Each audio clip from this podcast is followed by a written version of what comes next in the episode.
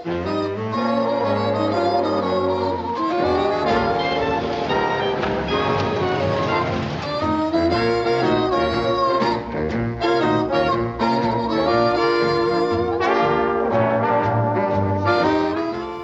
till ett nytt avsnitt av Salong 3.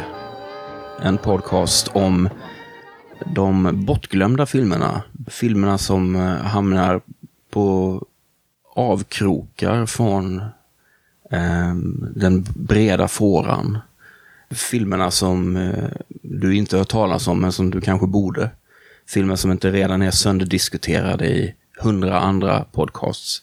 Jag heter Martin Degrell och eh, som gäst idag har jag journalisten och författaren Per Bengtsson. Hallå Per! Hej! Välkommen hit. Tack så hemskt mycket. Vi ska prata om en film som heter Roadhouse. Och det är inte actionrökaren från 1989 med Patrick Swayze som den eh, burduse men ändå intellektuella utkastaren Dalton. Eh, utan det här är en annan Roadhouse eh, som kom 1948. Och eh, enligt mina, mina efterforskningar så har den, hittat den även till Sverige. Under namnet Jeftis Bar. Bra titel. Bra titel. Eh, och det är ungefär vad det handlar om. Jag har till och med sett en gammal affisch, en svensk bioaffisch. Som, har, som säljs av något sånt här svenskt eh, affisch... Eh, någon affischbutik. Liksom. Hur ser den ut? Ja, den är ganska snygg, men, men den, det exemplaret jag såg, den så, det såg vikt ut. Du vet, den hade antagligen vikts under åren.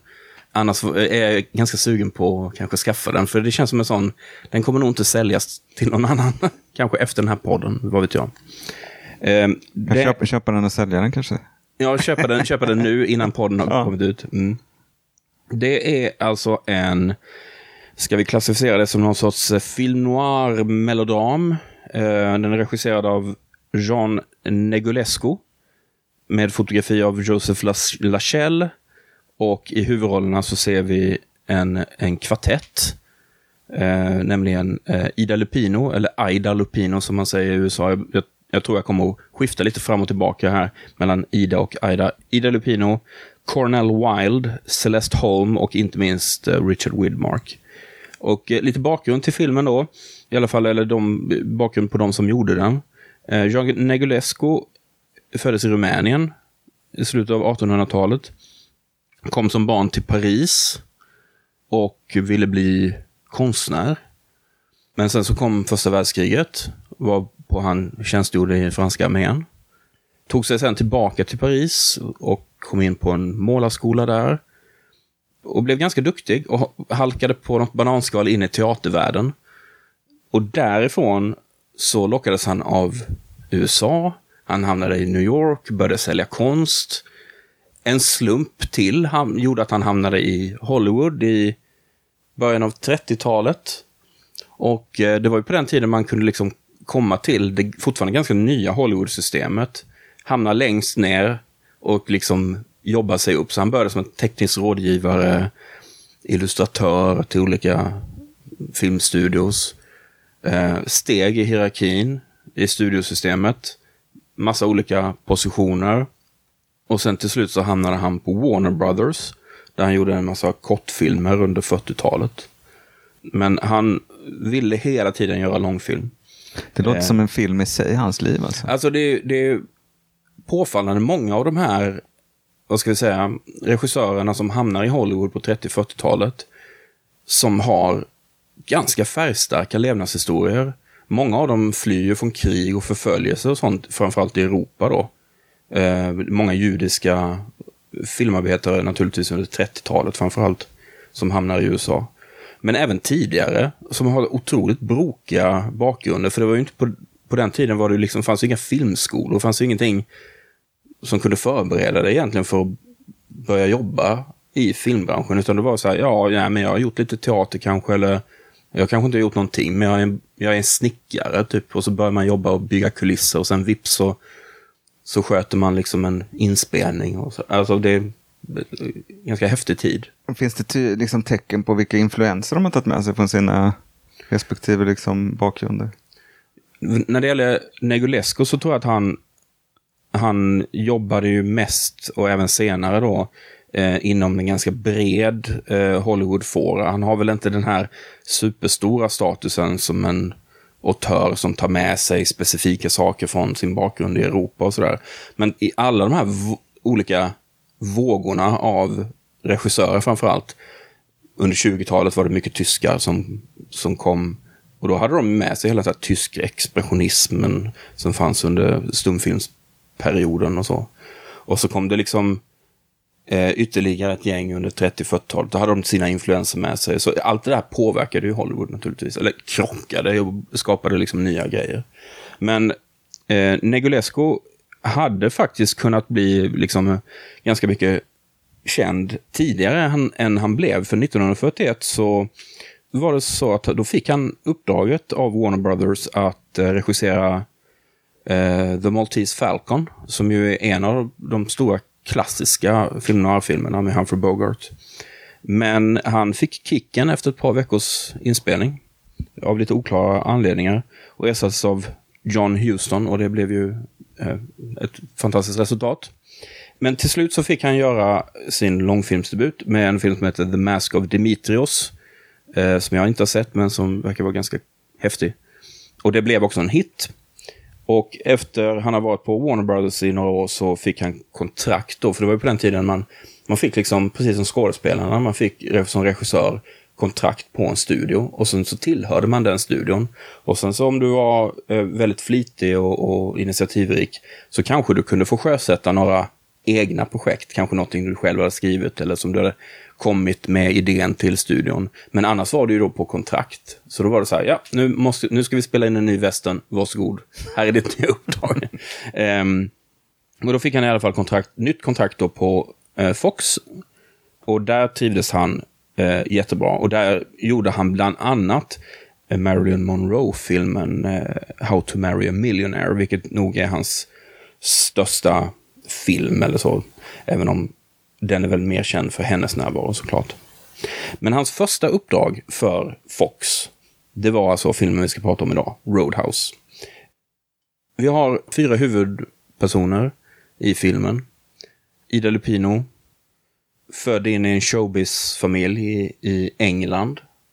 Hamnade i Hollywood 1934. Och var också en sån här eh, contract player på Warner Brothers fram till 1947 och blev därefter liksom frilansande skådis kan man säga. Men hon hade även eh, ganska stora eh, regissörs och producentambitioner. Hon var ju väldigt ovanlig så tillvida att hon kanske idag är mest känd för att vara en av de kvinnliga regipionjärerna i Hollywood. Hon gjorde mm, en handfull väldigt sevärda, tycker jag, eh, filmer med start i början av, eller i slutet av 40-talet, början av 50-talet. The Hitchhiker till exempel är en fantastiskt bra film. Och det är kul nu att se att hennes filmer börjar äntligen, inte återupptäckas, för de har ju alltid haft hyfsad status, men de börjar bli tillgängliga nu. Jag vet att många av dem har kommit ut på DVD de senaste åren och sådär, så det är väldigt, väldigt skojigt. Eh, dock väldigt så här, lågbudgetfilmer, väldigt blygsamma medel. Och eh, Cornel Wilde, som ju spelar den ena eh, manliga huvudrollen, eh, var vid det här laget, 1948, en ganska pålitlig leading man. Han eh, spelade främst i romantiska och historiska dramer eller äventyrsfilmer. Eh, och var det, vid det här laget även Oscars-nominerad. Så att det var liksom det ganska bra eh, folk, som, alltså namnkunniga människor som är med i den här filmen. Eh, Richard Widmark, inte minst. Han slog igenom jättestort med sin allra första film, Kiss of Death, som kom så sent som 1947. Och detta är hans tredje film. Och han fick ju liksom en eh, Oscar för bästa biroll med Kiss of Death, som ju också är en sån riktig eh, noir-klassiker. För övrigt eh, nyinspelad på 90-talet med eh, Nicolas Cage. En mycket, mycket, mycket usel version. Och sen slutligen Celeste Holm, som jag tycker ändå man får räkna, även om den här eh, trion eh, utgörs ju av eh, Lupino, Wild och Widmark. Men Celeste Holm är ju en väldigt viktig eh, del av den här, eh, det här gänget. Som ju spelar eh, servitrisen Susie. Hon kom från musikalscenen till Hollywood. Eh, också i mitten av 40-talet, så det här är också eh, en, en, av hennes första filmer. Och hon fick också en Oscar 1947, så att det är liksom, det, det är rätt så, så bra mer, meriterat folk som kommer in i den här eh, lite speciella eh, filmen som ju jag tycker framförallt, det är några saker som eh, gör den lite speciell och jag tror att den absolut största är också det första vi, vi kommer in på, nämligen var den utspelas, miljön och så vidare. Var, var, var det här, no Per, var det här någonting, var, kände du överhuvudtaget till den här filmen innan? innan vi... Nej, Nej, eh, det gjorde jag inte. Men jag undrar lite, vet vi någonting om liksom hur mottagandet i, i sin samtid? Sådär? Jag har inte riktigt kunnat se det eh, faktiskt. Jag har, det har inte varit helt tydligt. Var den väldigt spridd?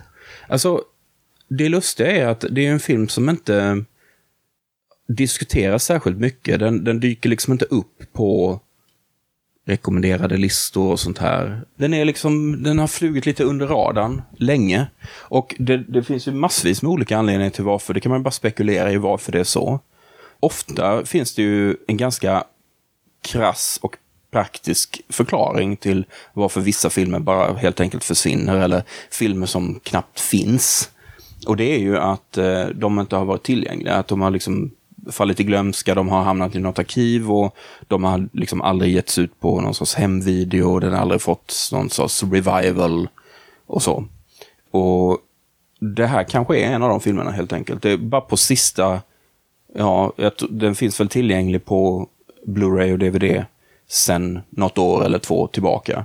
Men och dess, dessförinnan kanske man bara kunnat se den på så här Turner Classic Movies eller diverse, kanske något cinematek i New York eller något sånt där. Men det är liksom ingenting som eh, den har inte haft någon större status och har väl fortfarande inte det. Men jag tycker att det, det, det kan ju kanske vara värt att, att ompröva. Hur liksom hittade du den till den här till det här avsnittet? Ja, alltså jag ramlade över den. Eh, jag jag gillar ju att liksom gå ner mig i undervegetationen. Liksom. När man har kollat igenom de mest uppenbara filmerna i en genre, då, till exempel film noir som jag är väldigt förtjust i. Då börjar man titta, liksom, vad, men vad, vad händer, liksom, vad är det som ligger under det här? Och sen är jag väldigt förtjust i Ida Lupino.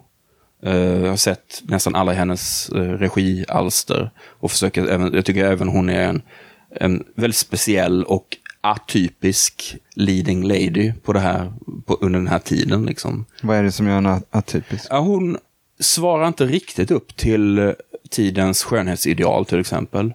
Och hon spelar ofta ganska smarta eh, kvinnoroller som har rätt så mycket attityd och liksom inte...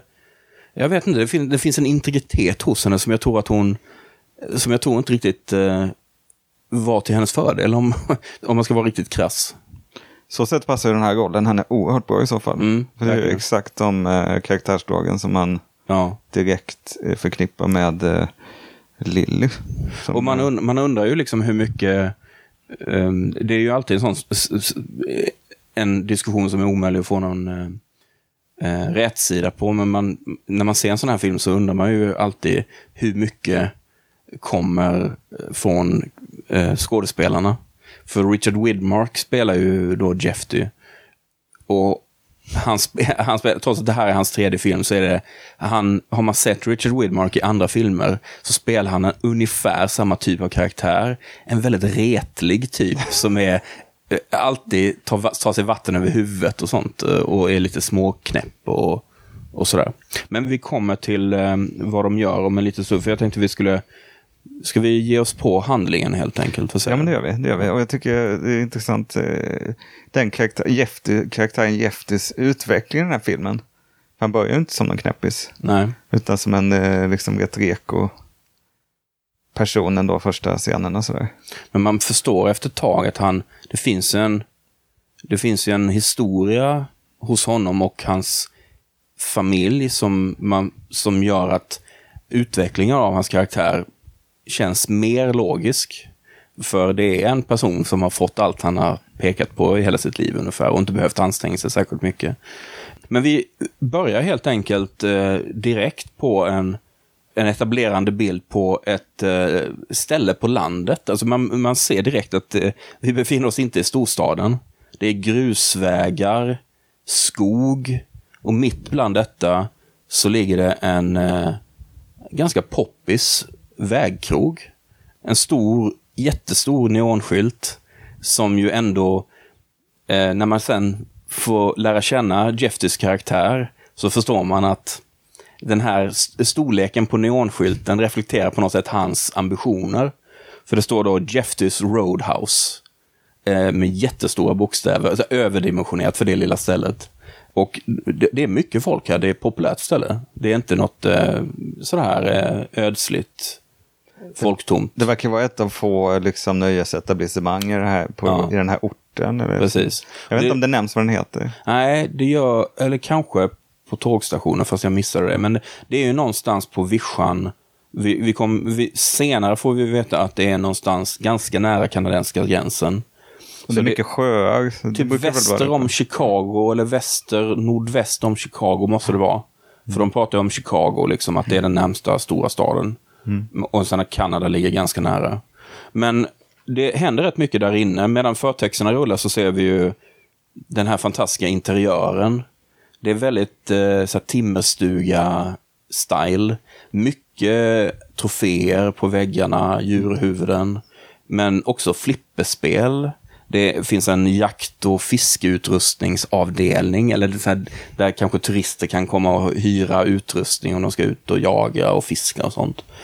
Eh, och sen naturligtvis ställets främsta magnet, bowlingbanorna. Och baren är att förglömma. Ja, baren också, men, men jag tänker att det som drar folk här känns ju som att deras unique selling point här ja, ja. är ju bowlingbanorna. Vad, vad, har vi att säga om bowlingbanorna? Det alltså helt fantastiska manuella bowlingbanor. Ja. Det är alltså det är ganska många på rad. Mm. Och i, i eh, slutet på varje bana så att säga så är ju käglorna. Och då står det alltså en person på varje bana och ställer upp käglorna på rätt sätt efter att de har liksom eh, eh, fällts och rulla tillbaka kloten. Ja, det tycker jag var väldigt fin. Eh, det, det, är ganska stor personalstyrka där som bara står och tar emot kloten och ställer upp käglorna och så. Och de är snabba och de har en cigg i mungipan och de liksom, eh, det är liksom en slags eh, löpande band eh, tempo där liksom mm. på dem. Det är häftigt. Och sen så ser man ju också de här som förlustar sig med bowling de är eh, lite fritidsklädda och ja, men Det är lite glada. blandat. För det, ja. det, dels så ser man något sånt eh, härligt eh, eh lag. Alltså, jag kommer inte riktigt ihåg vad det står, men det är motsvarigheten till typ eh, Anderssons eh, måleri. De har ett eget lag. Ja, med sådana bowlingskjortor. Med bowlingskjortor och med lagnamn på ryggen och så. Och sen så är det ju blandat då med folk som bara är där och nöjesbowlare. Liksom. Man får känslan av att man kanske går på dejt här om man, mm. om man ska göra det här i den orten. Ja, en, alltså en väldigt intressant sak tycker jag i, första, i den här inledande scenen där platsen eh, etableras. Just i bowlinghallen så är det en rätt speciell kameraåkning i sidled. Har du tänkt på det? Ja, du menar förbi alla banorna? Förbi alla banorna. Mm. Och den, vanligtvis så kör man en, en kameraåkning framåt, tänker man. Här är en väldigt lång sidledsåkning. Är det, är det, ser man det ofta vid den här tiden? Eller? Ja, det, det har jag lite svårt att uttala mig om. Men, jag, men jag, jag håller med, det är en ganska häftig... Eh, och just att man etablerar geografin på stället. Liksom. Man, rummet blir väldigt tydligt. Att det här är ett ganska stort ställe. Det är många banor och vi får se dem paradera förbi. så. Det är väldigt snyggt. Och sen så accelererar de ju också i eh, snabba klipp på liksom närbilder på klot och alla de här typiska bowling eh, situationerna. Eh, det finns, de har satt kameran bakom mm. käglorna, mm. kommer klotet emot och spräcker. När bollen liksom kommer upp till den som tar emot den. Mm. När, när, man spränger liksom en, eh, nyuppställda käglor och så de här som plockar upp. Mm. Det är liksom, eh, och så till musik också, rätt så rytmiskt klippt. Det finns en liten minigenre här känner jag med eh, eh, hur bowling filmas på film. Eh, alltså Big Lebowski och Kingpin mm. och några andra. Alltså där man väldigt omsorgsfullt visar hela den här processen att klotet rullar tillbaka och man kanske, det finns en liten sån, ett litet utblås där man kan hålla handen ovanför så att de blir, handen blir torr. Så man kan liksom få bättre grepp och sådär. Och, eh, och det är väldigt fint här och uh, hela förtexterna slutar ju också med att eh, en kamera som är placerad bakom käglorna, eh, liksom, där kommer ett bowlingklot och bara gör en strike. Och eh, det är möjligt att det är någon sorts eh, föraning, en metafor föraning om vad som komma skall. Eh, vi ser hur, hur som helst eh, en man som eh, heter Pete Morgan, det är alltså Cornel Wild, kliver in på ett kontor som han eh, ser ganska hemma eh, ut i. Eh, men han snubblar direkt över några resväskor som står parkerade precis innanför dörren. Han har keps på sig, känns lite ledigt klädd, lite arbetsklädd. Det känns tydligt att han jobbar på det här stället. Men eh, han räknade inte med att det skulle stå några resväskor där. Varför står det några resväskor där? Jo, bakom ett skrivbord inne på det här kontoret. Hans skrivbord sannolikt va? Sannolikt hans skrivbord. Så sitter eh, en ung dam med eh, ett ben så här nonchalant upp på skrivbordet. Eh, och lägger patiens. Och lägger patiens och röker en cigarett. Och cigaretten ligger så här över hon har lagt den liksom, det är, det är en sån återkommande grej. Ja, visst, sen, att hon, hon har som tendens att hon lägger liksom en cigarett lite så här utanför kanten på skrivbordet och så plockar hon upp den när hon känner för att ta ett blås. Precis, även trots att det finns ju ett askfat precis, precis bredvid. Precis. Så det, och det är ju det som de, det är så den här karaktären eh, Lilly eh, det, patiensen och det här med cigaretterna är ju hennes, eh, eh så som hon fram, ja, det säger rätt mycket om henne. Precis, och det, rätt ganska, det säger ganska mycket om henne, hur hon presenteras här. Lite nonchig, tuff attityd, och trots att hon liksom, man förstår direkt att de har aldrig träffats förut och det är troligtvis hans kontor och hon sitter där som att det är hennes kontor nästan. Exakt, och jag tror till och med att han kanske lägger hennes cigarett i askfatet och sen så lägger hon tillbaka den där på bordet. och det blir ett litet märke där och man får känslan av att han är lite pedant va? Ja. Han, han är väldigt han, noga med sakerna och så här. Han vill ha lite ordning liksom och han, framförallt så är han, eh, han trivs ju liksom i den här miljön för han, han har kontroll här.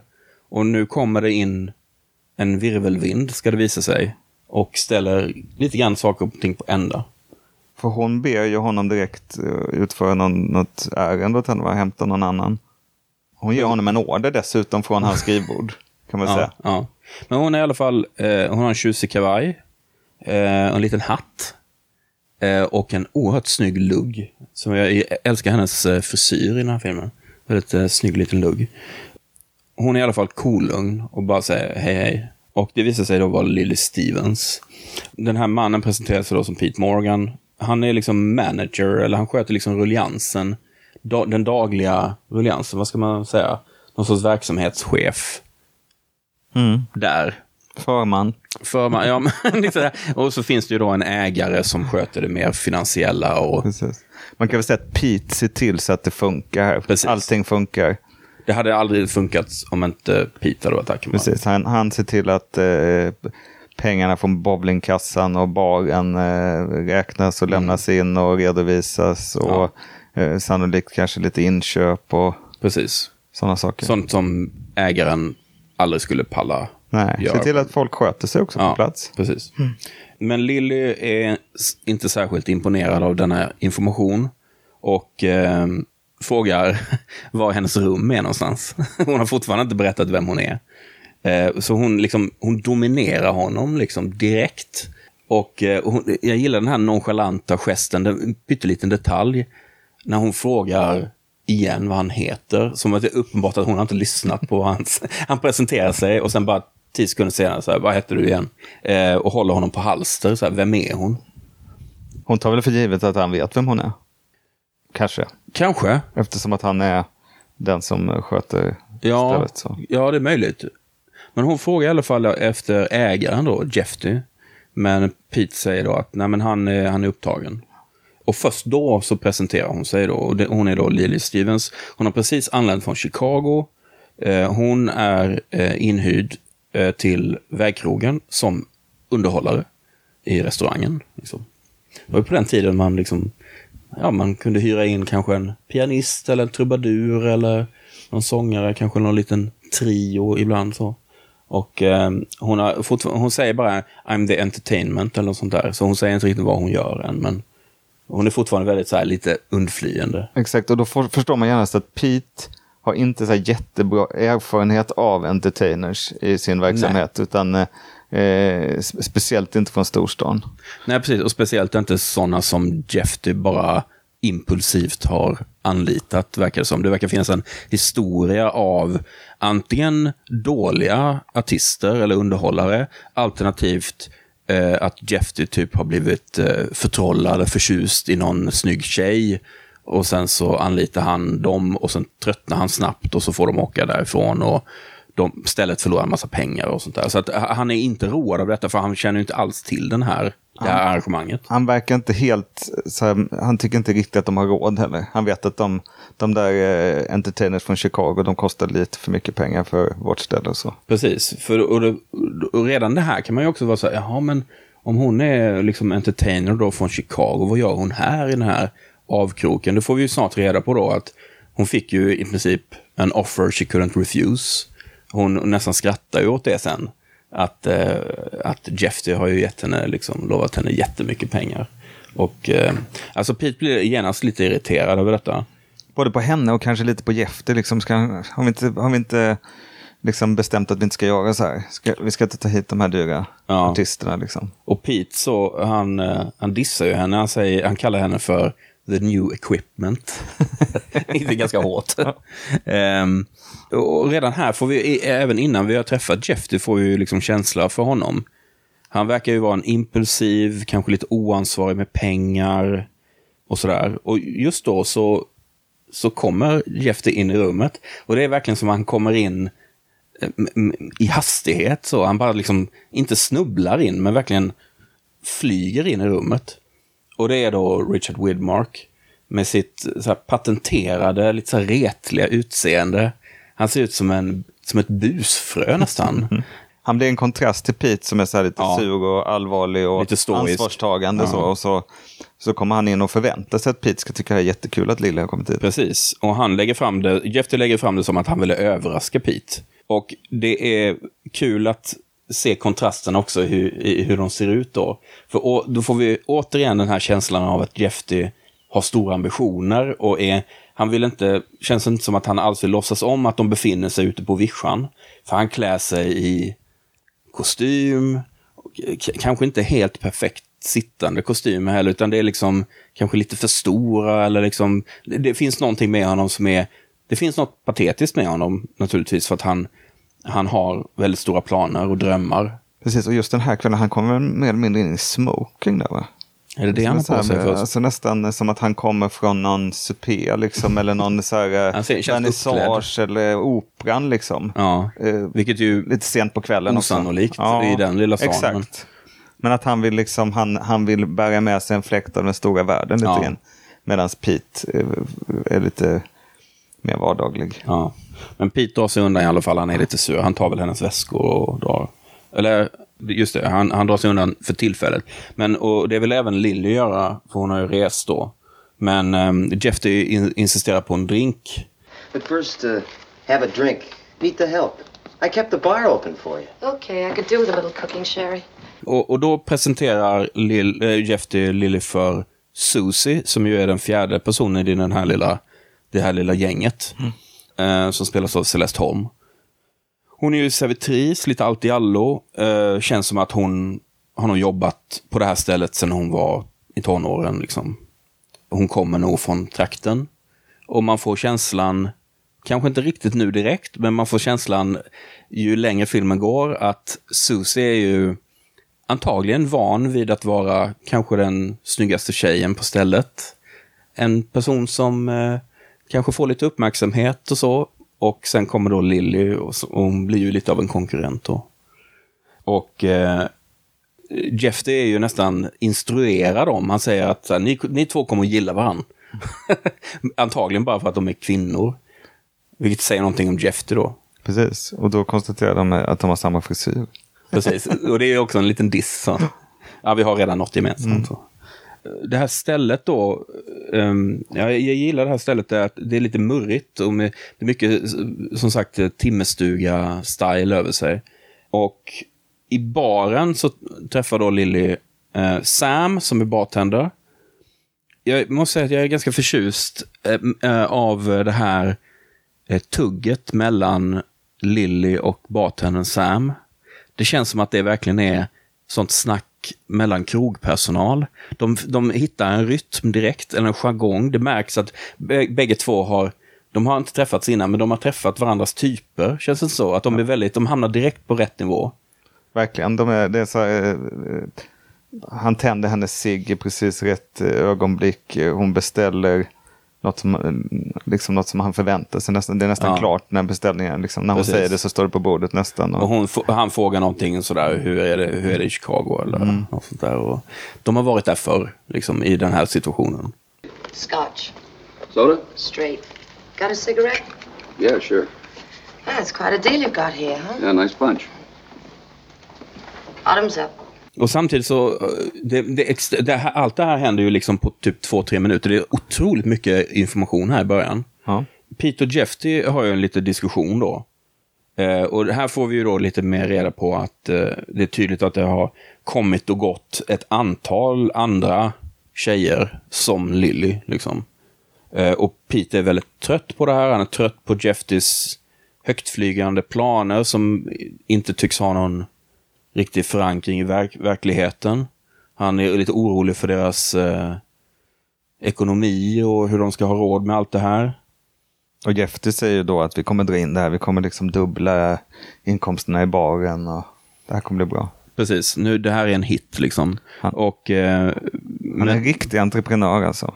ja, och sen Pete är ju väldigt sådär, ja men vi har haft hur mycket felsatsningar som helst och det här kommer ju inte funka liksom. Man, man märker här att, jag menar, på sättet som Pete pratar med Jeffy så märker man ju att eh, han är anställd av Jeffy, men det finns, man märker här ju att det finns en annan relation. Det är, de pratar inte med varandra som om de bara vore chef och anställd. Utan man märker här att de är gamla kompisar på något sätt. För annars skulle nog inte Pete tilltala, säga, vara så kri- öppet kritisk kanske. Men det är väldigt tydligt att Jeff är, är chef. Och han har bestämt att Lily ska vara där i sex veckor, vilket är väldigt lång tid tydligen. och sen så noterade jag bara en ganska bitchig replik från uh, Susie när hon står och pratar med någon receptionist där. Eh, han tittar efter då Lily och så säger han så här. Hey, Susie, what do you think of this one? She's something, isn't she? If you like the sound of gravel. Hon är ganska kall, kallsinnig mot den. Ja, men hon, ja, precis. Hon och Pete har väl lite samma erfarenheter där kanske. Mm, ja, precis. Och, ehm, Och, och hon ser väl också en konkurrent såklart. ja, exakt. Sen för, han, Pete försöker sig på en liten fuling här. Jag vet inte riktigt hur han tänker sig att det här ska gå hem. Men han, han eh, tar ju hennes väskor, alltså Lillys väskor, och så säger han så här, ja men jag ska köra dig till eh, hotellet. För tydligen så, på, på vägkrogen finns det inga Det rum. finns inga rum, men Jeff han ringer hotellet och beställer det största rummet. Precis. Eh, till, till henne för att imponera, för han vill ju liksom Ja. visa det bästa av den här orten. Precis. Liksom. Och då erbjuder sig Pete att köra Lily till hotellet, det vill säga enda hotellet i stan antar jag. Precis, i Jeffys bil. Ja, eller Han- precis, ber till någon- stället va? Han, ja, han säger åt någon, kör fram bilen så ska Ja. jag köra henne. Och frågan är om, om Jeff är medveten om att han gör det. Nej, jag tror inte det. Och Lily tackar väl för det och så, så kör han henne, men istället för att köra henne till hotellet så kör han henne tillbaka till tågstationen. Ja. Och hon är så här, jaha, fast här har jag ju varit en gång, vad gör jag här? Och, då säger, och det roliga är att hotellet ligger ju bara, det är så litet ställe att man ser liksom, hotellet ligger tvärs över gatan i princip. Och så säger han att eh, du, låt oss vara ärliga här nu, så här är läget nu. Han, nu tänker han att han ska vara den vuxna i rummet lite grann. Att så här, vi har inte råd med dig, Jeff är alldeles för vidlyftig med sina pengar. Här har du liksom en liten, litet avgång, en liten fallskärm. sätt dig på tåget och åk hem. Liksom. Och den, eh, den handlingen är ju, säger något om Petes och Jeftys relation också. Mm. Här går han bakom ryggen på chefen. Och antagligen så tänker han att Jeffter kommer att bli sur över det här, men det kommer gå över, för han är så impulsiv. Så att imorgon kommer han att hitta någon ny grej som distraherar honom. Eller så, det måste vara så han tänker. Exakt. Men Chief får han för att eh, Lily nobbar honom stenhårt. Stämningen mellan dem är väldigt eh, så här, eh, iskall. Den är iskall och när eh, han är lite dryg tillbaka mot henne så ger hon honom en örfil. och så tar hon sina väskor och går till hotellet. och bara så här, fuck you liksom. Jag tänker inte göra, jag, nu är jag här för att Återigen, jag tänker inte göra som du säger. Nej. Och han är helt ställd. Eller jag gör som jag vill. Ja, han, liksom. fattar, Ja. han är helt ställd. Liksom. Men det här är också ett, eh, ett återkommande tema i filmen. Män som tror sig kunna styra kvinnor hur som helst. Eh, och inte är vana vid att få mothugg. Liksom. Mm, absolut. Sen så klipper vi till, nu måste det ha gått liksom någon dag eller två. För nu så är vi tillbaka på vägkrogen. Och det är dags för Lilly att dra sitt eh, första nummer. Och sen så, så så ser vi diverse krogbesökare. Det är rätt mycket folk liksom. Men med, som sagt, det är ett populärt ställe. Och nu är det den nya underhållningen så att folk är lite förväntansfulla så. Precis, och Jefter säger till Sam, släck ner, eh, Lille får köra sitt nummer nu. Ja, hon får liksom en spotlight Ja. på sig och så här. Och eh, det märks att, eh, för hon, är ju lite, hon drar ju blickarna åt sig, framförallt kanske från männen. Och bland annat så hör man någon krogbesökare som har den här härliga repliken.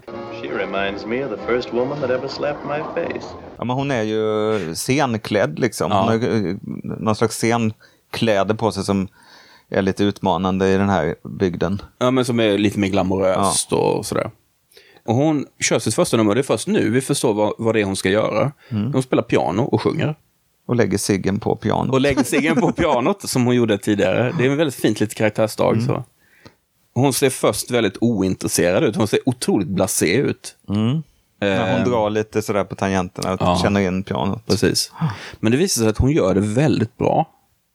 Och alla i publiken häpnar. De kan inte... Och Jefter säger ju, han bara lyser. Han bara yes, där satt den. Vad var det jag sa liksom? Eh, och till och med Susie är ju lite motvilligt imponerad känns det som. Ja, alltså hon fångar ju alla där. Vi kan höra en liten snutt här av eh, hur det låter när eh, Lily kör sitt första nummer.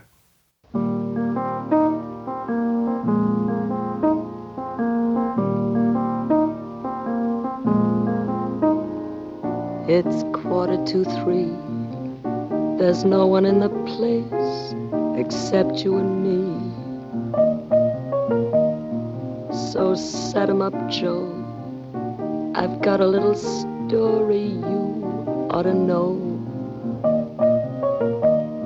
We're drinking, my friend, to the end of a brief episode.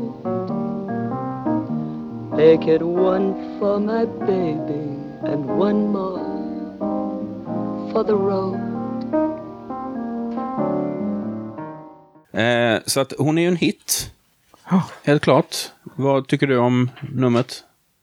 Men jag eh, eh, börjar tänka liksom lite så här på liksom den här rösten och det här temat i den här sången. Och hon är lite som sin tid så här, eh, Miriam Bryant eller Miss Li eller någon sån artist börjar jag tänka på. Det kanske är helt fel. Nej, alltså, Men liksom det, för sin tid, att det är det liksom som... det är med att jag inte, jag kan inte de referenserna. Det är liksom jag, jag är så dålig på Det är liksom musik. mycket attityd och det är eh, en låt som eh, inte heller är så här eh, typiskt eh, eh, att det är en kvinna som sjunger de här sakerna. Va? Mm. Hon tar för sig rätt så mycket där. Mm. Och fortsätter med sin stil. Jag vet inte ens vad, om det är en känd låt eller om det är hennes låt. Eller. Jag har inte riktigt eh, kollat upp det. Men jag tror att hon, det är säkert ett par av dem hon kör är säkert standards. Hon gör ju verkligen sin tolkning av den får man känslan av i alla fall. Och vad jag, vad jag förstår så är det ju Lupino själv som sjunger. Eh, det var ju vanligt eh, på den här tiden att eh, när det var några musiknummer, som det ofta var, typ av just den här typen, så här krogshow-style, var det ofta vanligt att man, att eh, kända skådespelare dubbades. Just när de sjöng. Men jag tror att hon sjunger själv. Mm. Och det blir också så här, musiken i den här filmen. Allt som inte är liksom inledning och avslutning nästan va. Det är ju musik som är en del av historien som, som är liksom som spelas eh, intradiegetiskt. Om man säger så. mm. Tillbaka till då dynamiken mellan Jeffy och Pete. Så känns det som att eh, Pete i det här läget, han, han är fortfarande inte beredd att ge Jeffy en seger. Nej, han är ju också väldigt, medan alla andra njuter av musiken så står ju Pe- Pete och bara liksom trampar när han ser Det känns som fler och fler, knyter näven, liksom. fler och fler sådana här brännmärken på pianot. det är liksom sju stycken när hon är klar. Hon lyckas också liksom sjunga en hel låt medans, för när, när hon tar sin sista ton så, så tar jag upp ciggen igen och, och röker lite Mm. på den. Då har den liksom hållit sig hela vägen.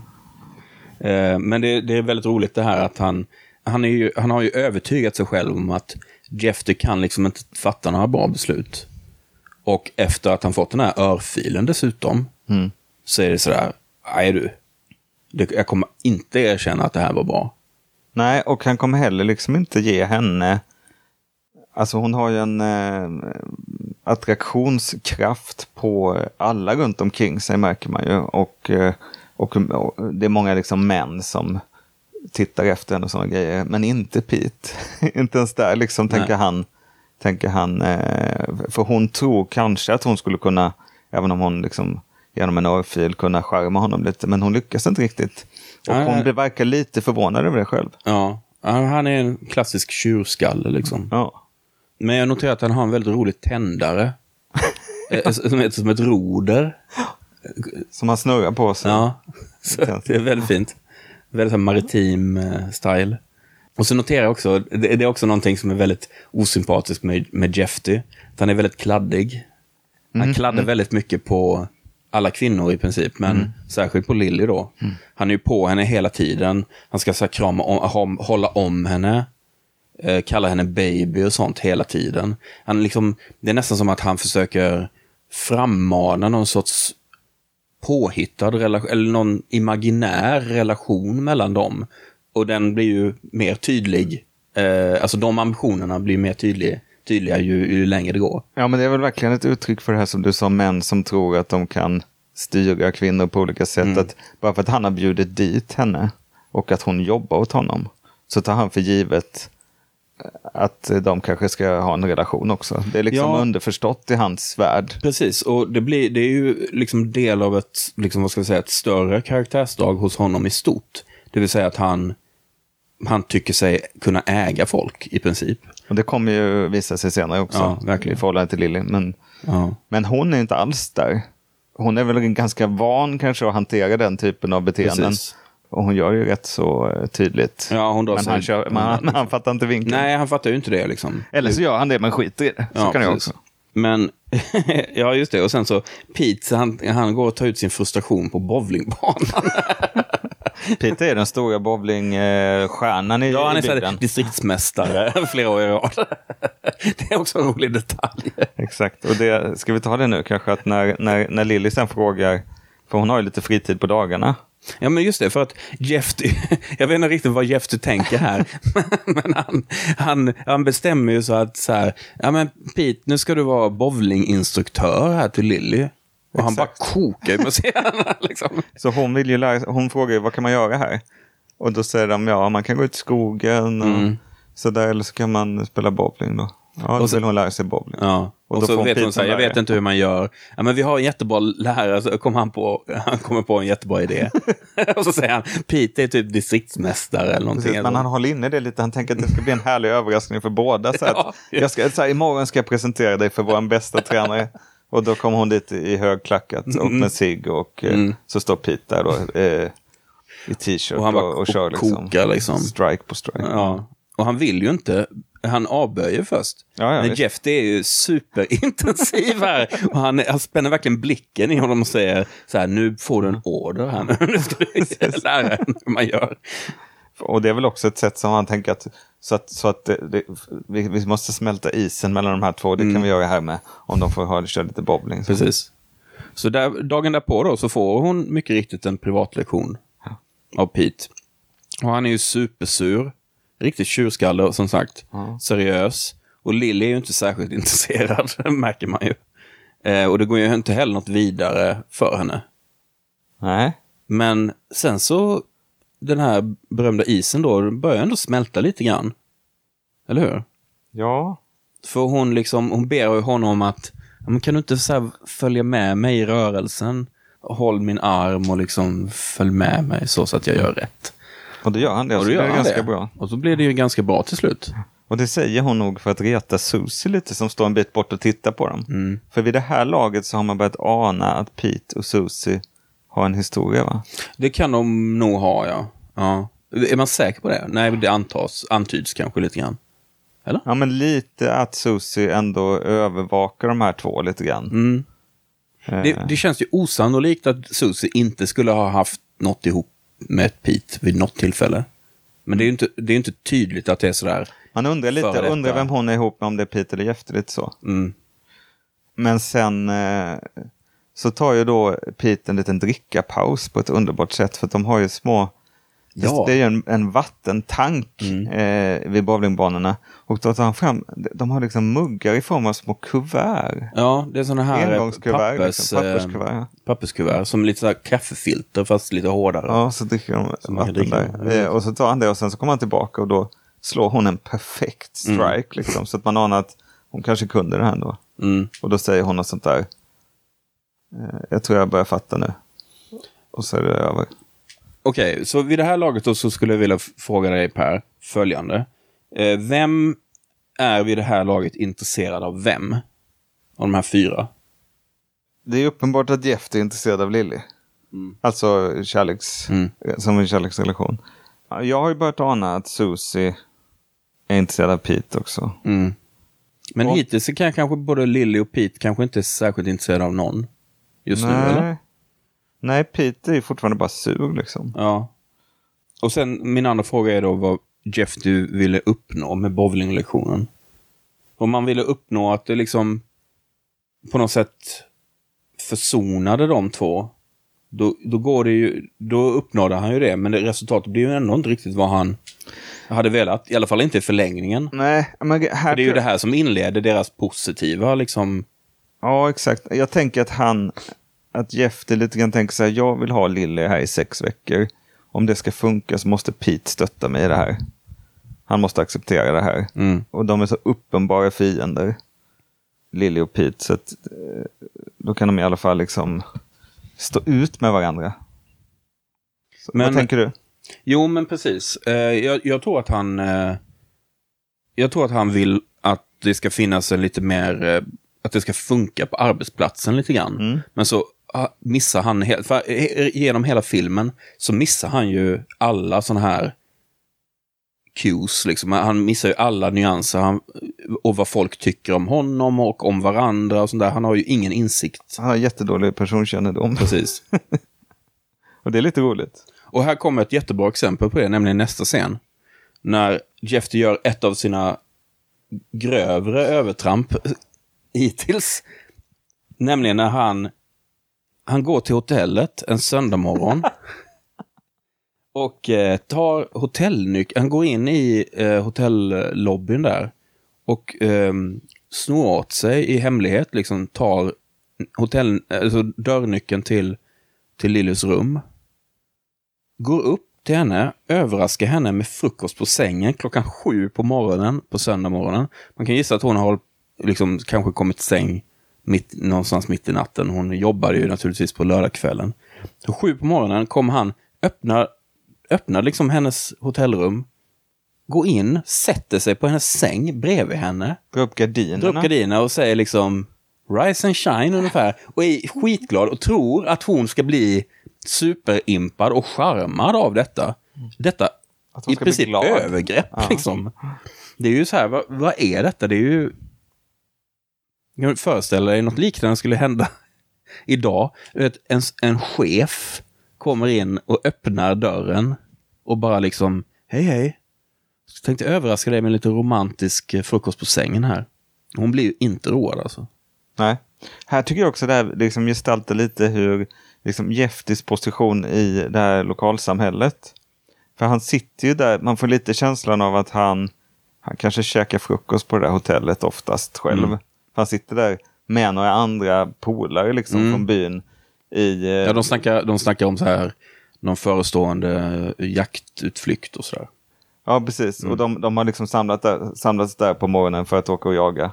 Och eh, kanske det är ganska tomt i hotellet i övrigt. Och de sitter där liksom som att det är deras... Eh, ja, deras det- vanliga hangout. Ja, precis. Och, eh, och sen att han liksom vet var rumsnycklarna hänger och så. Det kanske till och med är ägaren till hotellet. Han sitter där och, och chitchattar med lite grann. Mm. Eh, att han rör sig liksom väldigt eh, fritt i alla...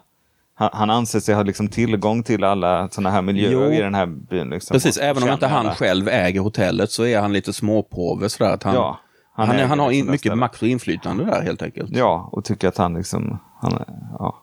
Det blir en väldigt intressant krock där eftersom han är ju den här Big Fish där i den här lilla stan. Men jämför, jämte Lily, så hon är ju inte imponerad av det. Så att det blir ju den här konstiga liksom, krocken för honom. Han, han tror att hon ska bli impad av allt det här som han gör för henne då, tycker han. Exakt, och att han är van att kunna göra precis som han vill i den här byn. Precis. Och ingen sätter sig upp mot honom. Nej. Möjligen så, Pete då. Men... Precis, så, så när hon då reagerar på det här sättet så vet ju inte han nästan hur han ska hantera henne. Nej, men han finner sig ändå lite grann.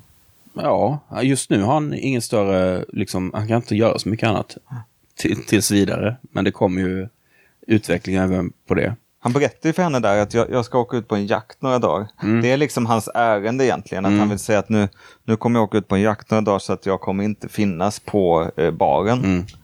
Eh, och eh, du ska bara veta det. Om det är något så här du behöver kanske. Mm. Att, han, att han har något sånt ärende också. Att, eh, som arbetsgivare vill säga att du får vända dig till Pete om det är något. Precis.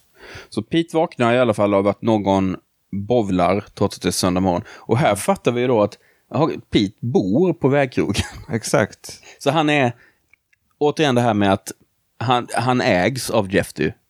Han, han är som livägare nästan. Man Ja. får ju sen reda på att han har ju varit anställd på det här stället av, av, familjen. Alltså Jeffys familj, hans far och så vidare. Typ sen han var tonåring eller någonting. Så, och nu är det till och med så att han bor på stället. Så det är ju verkligen, han har ju inget liv. Han är ju, och det, på något sätt så blir det så här, ja det är inte så konstigt att Jeffy ser honom som sin egendom nästan. För det är ju så det funkar i praktiken. Mm. Men han vaknar av att någon håller på att bovla och det är naturligtvis eh, Lily. Som har snygga vita shorts och en check randig tröja. Hi. I've just been spoiling all your rallies for you. How'd you get in? Simple. I used to pick locks when I was a kid. Did I wake you up? Yeah. Och eh, hon föreslår eh, en båttur. För det är ju söndag och de är lediga och så. Och de vet ju att, och återigen då med, med Jeffys båt. För det är han som har båten. Han har ju allting. Men visst är det så att hon är där och bowlar jättetidigt och, och Pete kollar, jaha det är du och du har brutit in. Okej, ska han och lägga sig igen väl? Ja, just det. Han vill liksom inte... Och, och då känner hon att hon har trängt sig på lite. Ja, så då kommer hon och försöker liksom släta över det genom att föreslå att... Hon kommer med frukost på Med sängen till honom. Precis! Och sen så föreslår hon en båttur. Och då säger ju Pete att nej, det passar sig inte för du är ju Jeffys tjej. Och det går ju inte hem, kan man ju säga. Det reagerar ju hon ganska starkt på. Precis, hon vill inte vara Jeffys egendom precis Nej. som Pete. Och eh, det säger ju också återigen någonting om deras syn på kvinnor och så. Mm. Så de eh, drar faktiskt iväg på båttur. Precis, hon blir ju lite stött. Hon säger liksom, jag Ja. vill, för han vill inte åka ut på båttur för det passar sig inte. Hon vill göra det, för hon vill ha någon att hänga med. Sen får man ju också, sen får man ju ett svar på varför han inte tyckte att det passade sig. När han hämtade upp henne på hotellet. För då sitter Susie i bilen. Mm. Och då fattar man att Pete och Susie har en slags relation, tänker jag. Ja, kanske. Eller att Susie på något sätt bara är... Ja, det är lite oklart varför hon är med. Men det är uppenbart, Lily blir ju lite besviken där. För hon ser ju genast då Susie som att Susie blir någon sorts femte jul. Exakt. Här har ju hänt ganska mycket i deras relation för plötsligt sen Pete följde med i hennes bowlingkast. Där, hände, där, liksom, Det hände någonting. där hände någonting som gjorde- gör att, eh, att kanske Lilly också blir lite sporrad av att Pete är så väldigt avvisande. För hon är kanske ganska van vid att bli uppvaktad ändå. Mm. Och här är en liksom, snubbe som inte verkar det minsta intresserad. Eh, det tänker jag är lite av en drivkraft att hon ser en utmaning. Här kan jag liksom Ja visst, hon har gjort honom arg och, och, och, och fientlig. Kan hon nu då vända honom liksom? Men när de väl kommer fram till den här lilla eh, badplatsen så visar det sig att Lily har ju inte med sig någon baddräkt. Nej precis, och dessutom så har ju Pete sagt att eh, du får följa med om du, om du fixar matsäck. Mm. Gör många mackor för jag är hungrig. så då sitter hon i bilen och lägger patiens och käkar mackor. Ja, Medan Pete och Susie badar. och verkar ha jättekul. Ja. ja, men de är verkligen så här som två barn som plaskar runt i vattnet och Ja. simmar i kapp och hoppar. Ja, någon och trycker trampolin- ner varandra under, så här, verkligen leker och håller Ja, på. och det är någon trampolin och någon lian. Det är, Ja. det är liksom en sån här liten djungel. Det är en väldigt fin liten studio ju. Det är allting Ja. inspelat i Ja. studio. Det är väldigt fint. Det är Eh, som att det är så väldigt så här. De, de åker liksom dit i en öppen jeep. mm. Och sen så är det liksom så här väldigt lummigt, liksom nästan som, nästan som tropisk miljö i studion där.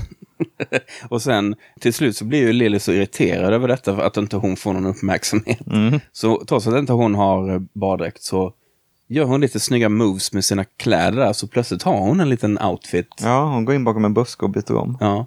Och sen så kommer hon fram och är jättetjusig i någon sorts eh, Bikini. lite, lite höftskynkeaktigt och sådär. Och så badar hon i alla fall. Hon har ett jättesnyggt dyk. så Precis, ner- så här imponerande. och då säger Susie, men du sa ju att du inte gillade att bada, att det var därför du inte badade. Och så sa hon, jag kanske inte gillar det, men jag kan. Och så simmar hon skitsnyggt så här, som en mästerkrålare där. Och gör en volt under vattnet. Så här. Mm, så här. Skitsnyggt där, konstsim-style. Väldigt liksom... eh, Verkligen non-skit så. Ja. Och då tappar ju Susie sitt sugen och Ja. går upp. Ja. Sen eh, hoppar vi lite grann till ehm, det stora krogslagsmålet. Ja. Lilly sitter ju och spelar och drar ett nummer. Och så ser vi att det är, vi ser liksom en eh, typisk bråkstake. Jättestor kar Bullrig, eh, skogshuggartyp. Verkligen. Alltså, Som han, jag, jag uppfattar att han heter Dutch. ja, och han har ju liksom, alltså han är ju enorm alltså. Ja. Och man ser honom på långt håll, liksom att det här blir det trubbel, eller hur? Ja, han är- står liksom bakom, bakom Lilly och man ser att han försöker så fokusera. Han ser otroligt överförfriskad ut. Han är rätt bra gjort alltså. Ja, visst. Och han, men han Eh. är liksom dubbelt så bred och dubbelt så lång som Ja. den som står bredvid. Som försöker, för han, Just det. han liksom försöker lite grann han rör sig på ett sätt som gör att han skulle kunna störa framträdandet och då är den här som står bredvid försöker liksom lugna Hålla ner tillbaka honom. honom liksom, lite men det är helt... Men det är otroligt trovärdigt för hur en, ett fyllo är på krogen. Ja. Framförallt när någon uppträder och så här, jag ska hjälpa till. Eller jag har ett förslag här, eller jag ska bara vara med här. Jag får jag micken? Eller sådär. Det är precis så det går till. Liksom. Jag har sett det både mot, i samband med stand-up comedy eller Mhm. band eller allt möjligt. Alltså, det är precis så folk beter sig. De tror de ska hjälpa till på något sätt, att bidra med någonting. Ja, just det. Och stämningen här på krogen den här kvällen tycker jag är att här får man verkligen känslan av att nu har Lilly etablerat Ja. sig på, på det här stället. Folk har börjat komma för att de vill lyssna på henne, för det är ganska mycket folk där. De har satt upp en uh, stor skylt, sådär, fin Ja, skylt. Att Precis. eh, Every night, såhär, Lily Stevens. Och att hon är verkligen en del av eh, Hon är en hit liksom. Ja, och, och att hon har liksom funnit sig till rätta så och folk kommer dit för att lyssna på henne och det går bra. Liksom. Ja. Jeffys satsning gick hem. Här. Precis. Men den här Dutch, han börjar antasta Lily och paja liksom hennes framträdande helt. Ganska otäckt liksom. Han, är, han är rätt hotfull. Och hans nitar direkt är en kille som försöker avbryta. Han slår bartendern Sam på käften. Eh, och eh, vräker upp Lily på baren. Och då eh, springer alla gästerna ut i andra rummet. Ja, det blir så här kalabalik. Ingen ingriper liksom mot, alltså när han ger sig på Lily. Nej, han kastar flaskor genom fönster. Ja, han blir verkligen liksom- så här förstöra hela Kasta lokalen. stolar över bardisken och sånt. Susie ringer polisen.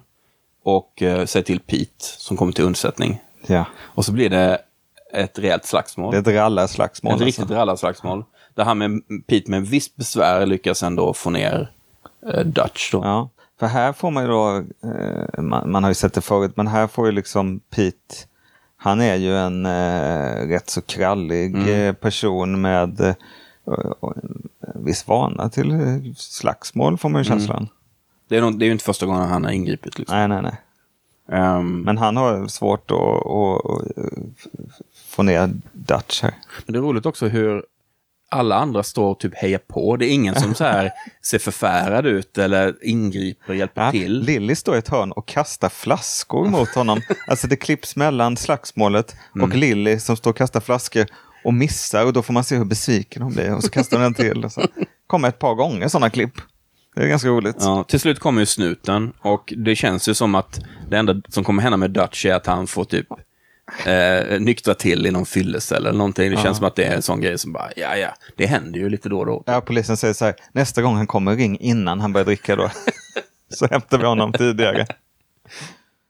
Och Lily och Pete retirerar med sina skador. Mm. Men så kommer direkt Susie upp till dem för hon ville på något sätt inte lämna dem själva. Nej. Hon vill se till att det inte händer något här. Precis, och det, och det här tycker jag blir ännu... Alltså menar du att du tänker att, att Susie och Pete inte är ihop? Ja, Det är så? För, jag, ja nej, jag tror inte de är ihop. för jag, får li, alltså jag får den känslan eftersom att hon är med på, på badutflykten och att... Nej, men jag tror att de har haft lite så här, lite så här fuck buddy Ja, grej. De Ja. kanske har haft något eh, från och till sådär kanske, Ja. men de är absolut inte ett par. nej. Ja, hon kommer Eh. dit och det blir återigen fem, femte hjulet. Precis. Men sen så försvinner väl hon va? Eh, och sen öppnar hon upp sig, Lille öppnar nu för första gången upp sig lite för Pete. Ja, den här upplevelsen blir viktig för, det, för dem. Ja, Att de har liksom blivit, de har varit, upplevt en kris här nu tillsammans Mm. och haft nästan fara för sitt liv båda två. och hon öppnar upp lite om sin bakgrund, pratar om sin eh, alkoholiserade pappa och som ställer hårda krav på att hon skulle vara duktig. Och hon hade också stora ambitioner med sitt pianospel och sånt här. Precis. Och sen så blev det istället krog i svängen. Och sen kommer en förlösande kyss. Och efter den kyssen så, det är nästan så att Lilly ser förvånad ut efteråt. Det är som att hon inte riktigt hade tänkt sig att jaha, kom, jaha, där ser man. Men den är ju förlösande på något sätt för dem bägge två känns som. Ja, men det är skönt för dem att det, att det, att det kommer där tror jag. Och den kommer ju ganska lägligt för dem eftersom nu, eftersom Jeffy inte är där just nu, så får ju de lite, eh, de får ju några dagar tillsammans medan han är iväg på jakt. Ja.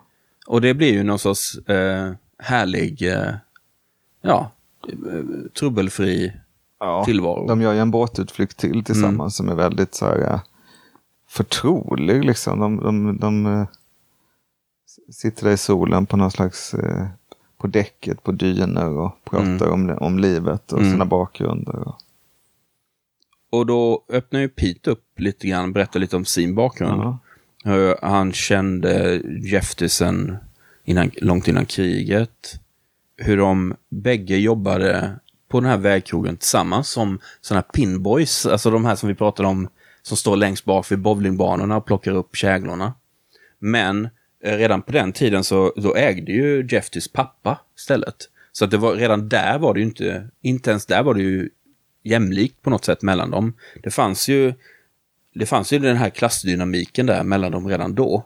För Jeffy kunde liksom, på pappret så hade de samma position men Jeffy var ju liksom, eh, hans pappa ägde istället. Och det är ju här man får känslan av att Pete har ju varit liksom som en livegen person här. Han är trogen den här familjen sedan tonåren. Eh, Det har aldrig varit en jämlik re- relation. All, han har aldrig varit självständig. Och så berättar han om sin stora dröm. Att äga en egen fiskebåt. Det är liksom, det är Petes stora dröm. Vilket jag, det är lite rörande på något sätt. Att det är liksom, det är där han, önskedrömmen är att ha en egen fiskebåt. ja, det är fint. Mm. Och det är, eh, ja, men det är liksom helt ny, eh, nytt djup i de där karaktärerna. Och sen kommer Jeffy tillbaka från sin jakt. och han försöker leta upp Lilly och det är väldigt tydligt där. Nu man, har man ju fått lite mer bakgrund då, men det förstärks ju hela tiden här nu med att han, han verkligen för, eh, liksom äger sin omgivning. Han äger sina anställda och sådär. Och Susie hjälper ju till här. Han hjälper ju faktiskt Lily och Pete. Ja, Eh, genom att se till att liksom Jeffy inte kommer på dem. Eh, hon kör lite så här sken, lite undanmanöver sådär. precis. För när Jeffy kommer till hotellet och ska söka upp Lily, då är inte hon där. Mm. Utanför träffar han Susie och frågar var Lily är. Och Susie säger att hon inte vet. Men samtidigt ser hon bakom ryggen på Jeffy så kommer Lily och Pete hem från sin utflykt Mm. och går in på hotellet. va? Och så åker Jeffy därifrån utan att ha sett dem. Det, det är väldigt så här, För hon, hon, Susie ser ju till att han liksom inte inte vänder sig om. vänder sig om. Ehm, Och så gör hon en liten lögn att hon skulle gå på bio med Pete, eller att hon hade varit på bio med Pete va? Mm. och då förstår man ju liksom att ja, men Susie är ju schysst liksom. Ja. Och hon har ju ändå på något sätt kommit över det att ja, men Pete är med, med Lily nu och det är okej liksom. Ja. Eh, så Susie är ju, hon är ju schysst tycker jag. Mm. Det är lite oväntad grej hon gör där. Ja, fast man kan ändå tänka att det har kanske gått ett par dagar och sådär, jag vet inte. Mm, mm. Ja, men den är... Men Pete drar ju sig fortfarande för att berätta för Jeffy då om den här rel- relationen. Och Jeffy tror ju fortfarande då, som vanligt helt tondöv, att eh, ja, men Lily och Pete de hatar ju varandra. de, han tror det fortfarande. Precis, så han går hem och ringer Lily istället till hotellet. Ja, för han har nämligen tänkt till när han har varit ute i jaktstugan och tänkt till lite. Just Och vad, och vad har han kommit fram till då? Jo, de, han ska ju gifta sig med Lily. och det är ju, här, Skaffa går, license. här går han ju över gränsen totalt. Ja, verkligen. De har aldrig haft någon kemi liksom. Hon har aldrig accepterat han, hans inviter. Och ändå så har han utan hennes vetskap då fixat en så kallad marriage license, vilket man måste ha i USA om man ska gifta sig där. Så att nu är det fritt fram för dem att gifta sig. Och detta berättar han för henne på telefon. Ja, just han berättar de här glada nyheterna via telefon. Och han kan, han kan inte riktigt... Han berättade ju för Pete först. Just det. Och, han kan inte riktigt förklara varför. Han får, Pete frågar honom så här, ja men älskar du henne? Så här, ja, alltså, jag är lite ensam. Så här, alltså, det, det, det känns extremt, inte särskilt genomtänkt. nej, men han säger också att hon är one of a kind alltså. Mm. Och det har han sagt till henne också innan han åkte Och resan. Pete frågar ju lite försynt så här, men tror du hon kommer att acceptera liksom? Och hon är ju väldigt självständig och så. Men det är ingen issue för Ja, det är klart hon kommer att göra det, säger Jeff. och så säger han liksom att eh, ja, men innerst inne så vill ju alla tjejer att en kille ska komma och ta hand om dem. Och så här, wow, härlig syn. Mm. Men när han väl får tag på Lily på telefon, då, också romantiskt att berätta det via telefon. Han är väldigt liksom eh, angelägen om att berätta de goda nyheterna Ja, för henne. han är ju Så jätteglad, liksom. Ja, han kan liksom inte vänta. Och han förväntar sig att hon ska bli jätteglad också. Ja, och han är glad att han får tag på henne. Precis, men han, hon tror ju att han skämtar.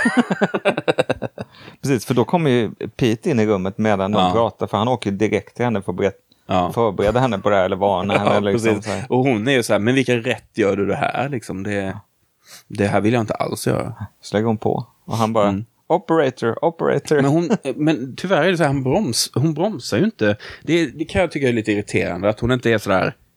Hon säger inte rakt ut så här, nej, absolut inte noll, liksom. Nej, Utan det är fortfarande så där att Jeff, det är... Ja, ja, men det här får vi prata om, liksom. Men Pete säger att nu måste vi berätta det här för Jeff, du. att de är ihop ja. Att det är de som älskar varandra. Precis, så Pete sticker ju till Jeff för att berätta.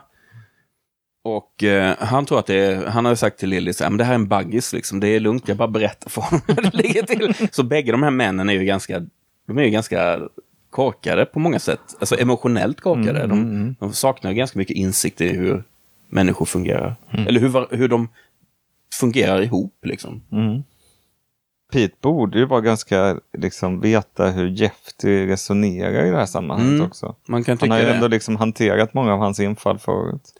Så Pete åker hem till Jeffy, till hans väldigt utsmyckade hus.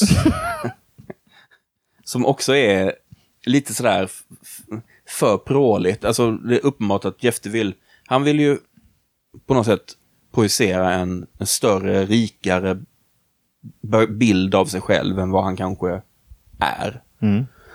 Och han är som vanligt helt aningslös om vad som komma skall. Och Pete då droppar den här bomben. Och naturligtvis ser Jeff till detta som är världens största svek. Och eh, skickar ut Pete. Liksom. Men Pete hinner ju få fram i alla fall att valet är ju Lillys. Att liksom det är hon som får bestämma det här. Hon är ju en fri person. Och det verkar ju vara någonting som överhuvudtaget inte har föresvävat Jeffy. Men vi, nu är det liksom... Nu börjar vi ju närma oss liksom sluttampen, eller liksom börjar närma oss någon sorts crescendo här på filmen snart. Eh, med, med lite twists and turns först. Ja. Men man kan säga kortfattat att Pete och Lily bestämmer sig för att så här, nu, vi sticker. Vi, vi, vi bara drar liksom. Så Pete drar till vägkrogen. Han tar 600 dollar som vägkrogen är skyldig honom i innestående lön och lite sånt. Och så packar de sina väskor och så drar de. Och så står de på eh, tågstationen, ska åka till Chicago. Då kommer polisen, plockar upp hit. Säger inte vad det rör sig om. Men så kommer de till eh, polisstationen. Och i hörnet, i mörkret av polisstationen, ser man där sitter Jeffy. Eh, och det, just den här eh, avslöjandet att han sitter där i skuggorna tyckte jag var ganska effektivt. Det är nästan så att han ser lite skamsen ut. För Han, nu, vet, nu har han levererat en, en ganska eh, saftig smäll mot de bägge här nu. Eh, som en ren hämndaktion. Han har ju då gått över alla gränser, får man ju säga.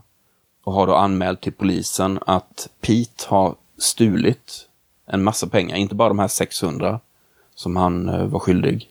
Utan eh, 2600. Hela veckokassan va? Eller mm. dagskassan? Ja, Veckokassan. precis. Och det är väl pengar som egentligen skulle gå till Lilly, va? Det är väl hennes eh, arvode också, delvis, Ja, det var jag inte helt säker på. Nej. Men man ser i alla fall när han tar de här 600 dollarna så lägger han väldigt tydligt tillbaka ett kuvert där det står 2600. Precis, och han skriver på det att liksom han har tagit de här och så. Och så lägger han väldigt tydligt tillbaka Mm. i kassaskåpet och låser in de här 2600. Precis, så att man vet att liksom Pete har gjort rätt.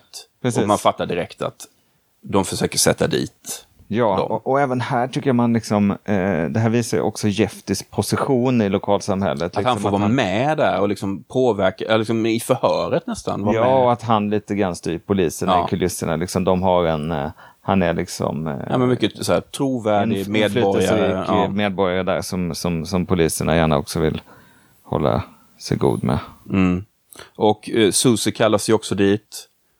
Hon kan ju inte tro att det här är sant naturligtvis. Men eh, polisen är ju otroligt... Eh, alltså de, de litar ju helt och hållet på Jeff. De lyssnar ju inte alls på de andra. Nej. Särskilt inte på kvinnorna. Ja, Susie får ju vittna lite där hur, hur mycket pengar fanns i kassaskåpet och hur mycket var liksom Mm. kassan. Och, och då kan hon ju ge en trovärdig summa där som är den som är borta. Och sen så är det ju väldigt frustrerande, men också trovärdigt känns det som när de bara avfärdar Lily när hon pro- protesterar. Hon är så här, ja men du kan ju inte uttala dig om det här. Och när de har fört undan alla andra ute och bara Jeff är kvar. Så han spelar ju verkligen upp det här. Han ser verkligen lidande ut och ja, han var ju en god vän och jag kan inte förstå hur han kunde göra så här mot mig. Och verkligen, han spelar verkligen en roll här. Och småstadssnuten där, han är ju inte direkt korrupt, men det är ju just den här småstadsattityden. Han är inte så smart och som sagt, Jeff det är ju en viktig person i samhället och så det är klart vi litar på honom. Så han har ju ingen anledning att ifrågasätta den här historien. Nej, och de har ju också bevis på att faktiskt Pete försökte sticka från stan. Precis. Och nu så plötsligt så har det gått lite tid här. Mm. Jag vet inte om det, jag undrar om de någonsin spelade in rättegången och hela den grejen och klippte bort det för att det kanske blir, skulle bli en för lång film. Men ehm, för ovanlighetens skull i sådana här filmer så får vi inte se någonting av själva rättegången. Utan vi får, de hoppar direkt till när domen ska förkunnas. Eller hur? Så juryn kommer ut och säger att jo då, vi, Pete är superskyldig. Eh, han är skyldig till grov stöld. Och eh, så får vi se eh, Jefty som eh, kommer in till domaren. Återigen så här hur mycket inflytande han har i samhället. Han får liksom audiens hos domaren innan domaren avkunnar dom. Och här gör han ytterligare en riktigt vidrig grej. Nu verkar det som att, Pi- eh, som att Jeffy verkligen har... Han har helt ballat ur. För nu framställer han sig själv som Petes räddande ängel. Och säger att han har en riktig vals om att eh, han, ska, han känner sig ansvarig nu för Pete och sådär. Och han ber domaren om att istället för att skicka honom till fängelse så ge honom en villkorlig dom och så kan han få göra lite så samhällstjänst hos mig i vägkrogen. Så då fixar han så att Pete istället för att få eh, fängelse tio år, tio år, vilket låter jättemycket, får han istället så här samhällstjänst i två år. Vilket i praktiken innebär att nu är han verkligen på riktigt slav, typ till Jefty. Jefty säger till honom precis vad han ska göra. Han är helt fast. Och de går bara med på det också där, domaren. Domaren tycker det är, det är jättebra. och han får inte lämna stan och inte staten i alla fall och, och sådär. Och, och Jeff säger till dem, where I go, you go. Och Pete blir ju helt förtvivlad över detta. Och... Nu har ju Jefty blivit liksom helt psycho känns det som. Ja, men man ställer ju till lite fest där också. När, Ja, på, på, supersadistiskt. ja, så ställer han till fest på Roadhouse och eh, eh, får fira att Pete är hemma igen. Men ställer sig själv helt och hållet Ja. i centrum och drar en massa roliga anekdoter och skrattar jättemycket. Och så. Exakt, och tycker att alla ska vara glada. Så här. Men Susie, Lily och Pete är liksom alla ganska sura. Ja, han, är så, han förstår inte varför de är så sura. Nej, jag har ju fixat det här nu. Allt är bra. Och då känns det ju som att han har liksom, eh, då har han liksom, eh, tror sig ha skapat en tillvaro där Pete är på plats. Och eftersom Pete är på plats kommer Lily stanna också i två år. Mm. Och Susie har ingenstans att ta vägen. Nej. Så att de är bara en härlig familj. Ja, nu är de eh, Big Happy Family. Mm. Och han har fullständig kontroll över hela, över allihop. Och allt ska bara vara som Och han har dem i fällan. Och, och skulle de få, skulle, han, skulle Pete få för sig att göra någonting, slå honom på käften eller försöka fly eller någonting, då åker han ju dit och då åker han direkt in i fängelse. Så att Jeff är helt, han är supernöjd nu. Mm. Liksom. Super evil. Och han, men- han, han uttrycker verkligen eh, liksom sin sadistiska, med liksom galna skratt och så, så eh, Mm. blir han liksom, uttrycker han den här, ja, den här hämnden liksom. De kände sig ju ganska eh, kidnappade där. Ja, verkligen. Och sen så föreslår han, för att liksom rensa luften lite, så föreslår ju Jeff det att så här, men vi drar upp till jaktstugan. Vi hänger där. Susie hänger med också, så är det vi fyra. Vi drar upp dit och Pete har ju inte så mycket val. Han måste ju följa med honom. Och Susie börjar ju förstå att någonting, alltså hon är kanske inte superbright, men hon är inte jättekorkad. Men hon börjar ju inse nu att det liksom, hon vet ju inte alla detaljer kring det här. Men hon förstår ju att någonting är fel liksom. Så Pete vill gärna chansa och dra. Gränsen till Kanada är ju ganska nära, framförallt från stugan sett. För han känner att han kan inte ansvara för sina egna handlingar. Han tror att han kommer att döda Jeff, Jeff till annars. Men Lily är lite kritisk där faktiskt mot Peter. Tycker liksom att nu låter du liksom Jeff styra ditt liv. Och sen så har de ett litet gräl varvid Lily plötsligt säger att hon hatar Pete. Det känns lite så. här, Jag Hon tycker, det han, hon tycker väl att han är självisk liksom. Ja, Han ska hon, bara rädda sig själv. ja, och sen skyller hon ju också på honom att hon tycker det är för jävligt att hon har ju på något sätt dragits in i den här jävla situationen. Det kan man ju förstå liksom. Ja. Hon är kanske me- mest frustrerad över situationen. Liksom. Men det sista alla vill är väl åka på en härlig mysig Ja. dubbeldates weekend i Jeftis jaktstuga. Mm, men det är de tvungna att göra i alla fall. Och i stugan kan man ju lugnt påstå att det är ganska tryckt stämning. Precis. Jeff är ju jätteglad. Han är psyko, han är full, han är glad. Och de andra, de sitter runt bordet och är bara supertysta och jättenedtonade och inte glada. Nej, och han beter sig, han är, det är liksom, han är som Jokern ungefär, eller något sånt där. Mm, Någon mm. sån karaktär är han ju nu. Han har verkligen flippat. Ja. Han dricker jättemycket whisky och hon och provocerar dem jättemycket. Och fnittrar på ett sånt där galet sätt. Ja, och han visar på kartan hur nära det är till Kanada. Precis. Titta nu vad nära det är och så. Det är som, dit kan man ju så här lätt ta sig och så. Precis, samtidigt som han flashar sina vapen. Mm. Och han Och- berättar också för Pete var båten ligger. Så att om, om, det är ju skitnära till Kanada. Man kan ju bara ta min båt över Mm. Och det är och sådär, men, men, ja. Och de börjar fatta här nu att hans plan här är ju kanske att, har kanske alltid varit att eh, han vill locka dem till att sticka eller någonting. Så att han ska ha en, en ursäkt att typ skjuta ihjäl dem eller något sånt där.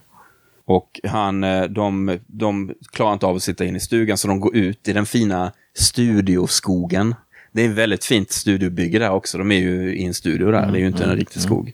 Och det är nästan så att det, det, det blir lite så här förhöjd, lite sagokänsla nästan över den här skogen. ja, men det är som vid badplatsen. Ja. Det är liksom, det, lite nästan tropisk miljö. Och eh, Jeff det kommer ju efter med sitt gevär och han vill köra lite prickskytte. Han vill visa hur, hur bra han skjuter. Han skjuter ännu bättre när han är full än när han är nykter sen. Precis, och det är sånt fint månljus, månsken, så att han vill gärna göra det. Och det är väldigt obehaglig stämning här. Ja. Och eh, här är ju Richard Widmark otroligt bra. Han är så otroligt obehaglig. Och lynnig och man vet aldrig riktigt vad som ska hända med honom. Och han skjuter på lite konservburkar. Och så hänger han upp sin hatt och så säger han till Lily så här. Ja men du kan skjuta. Och sen så, han ställer sig medvetet i skottlinjen. Ger henne geväret. Men han bluffar. Han vet ju om att hon är jättesugen på att skjuta. Men han bluffar för att eh, han har inte laddat geväret. Och när han avslöjar det så dör han av skratt nästan. Han bara, fattar ni vad roligt det här var? Och de flesta, de andra håller sig för skratt kan man ju säga. Och han hånar dem och man märker att det börjar bubbla över. Och eh, till slut så konfronterar Lily Jeffy och säger att liksom du, du har blivit galen och vi vet att det är du som har liksom, det var du som stal pengarna, kan du, nu får du erkänna detta. Och eh, det leder i alla fall till att Jeffy ger Lily en örfil. Och då brister det ju för Pete naturligtvis, så det blir slagsmål. Och eh, det slutar med att Pete ligger avsvimmad på marken.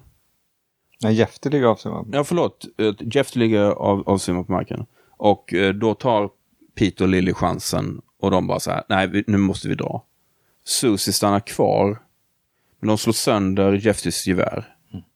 Eh, och kastar hans revolver in i skogen. Eh, men Susie stannar kvar i stugan.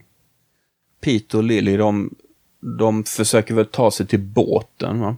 Så de tar sig igenom den här eh, skogen och det är dimmigt nu också. Och så här, det, Det är som en djungel. det är, som en, det är oerhört tät skog, verkar det som. Och så samtidigt ser vi att Jeff, han vaknar ju till där i stugan och inser vad som har hänt. Och då sitter Susie och ligger patien, lägger patiens när han, när han vaknar. Mm. Susie finner sig i så här, okej. Mm.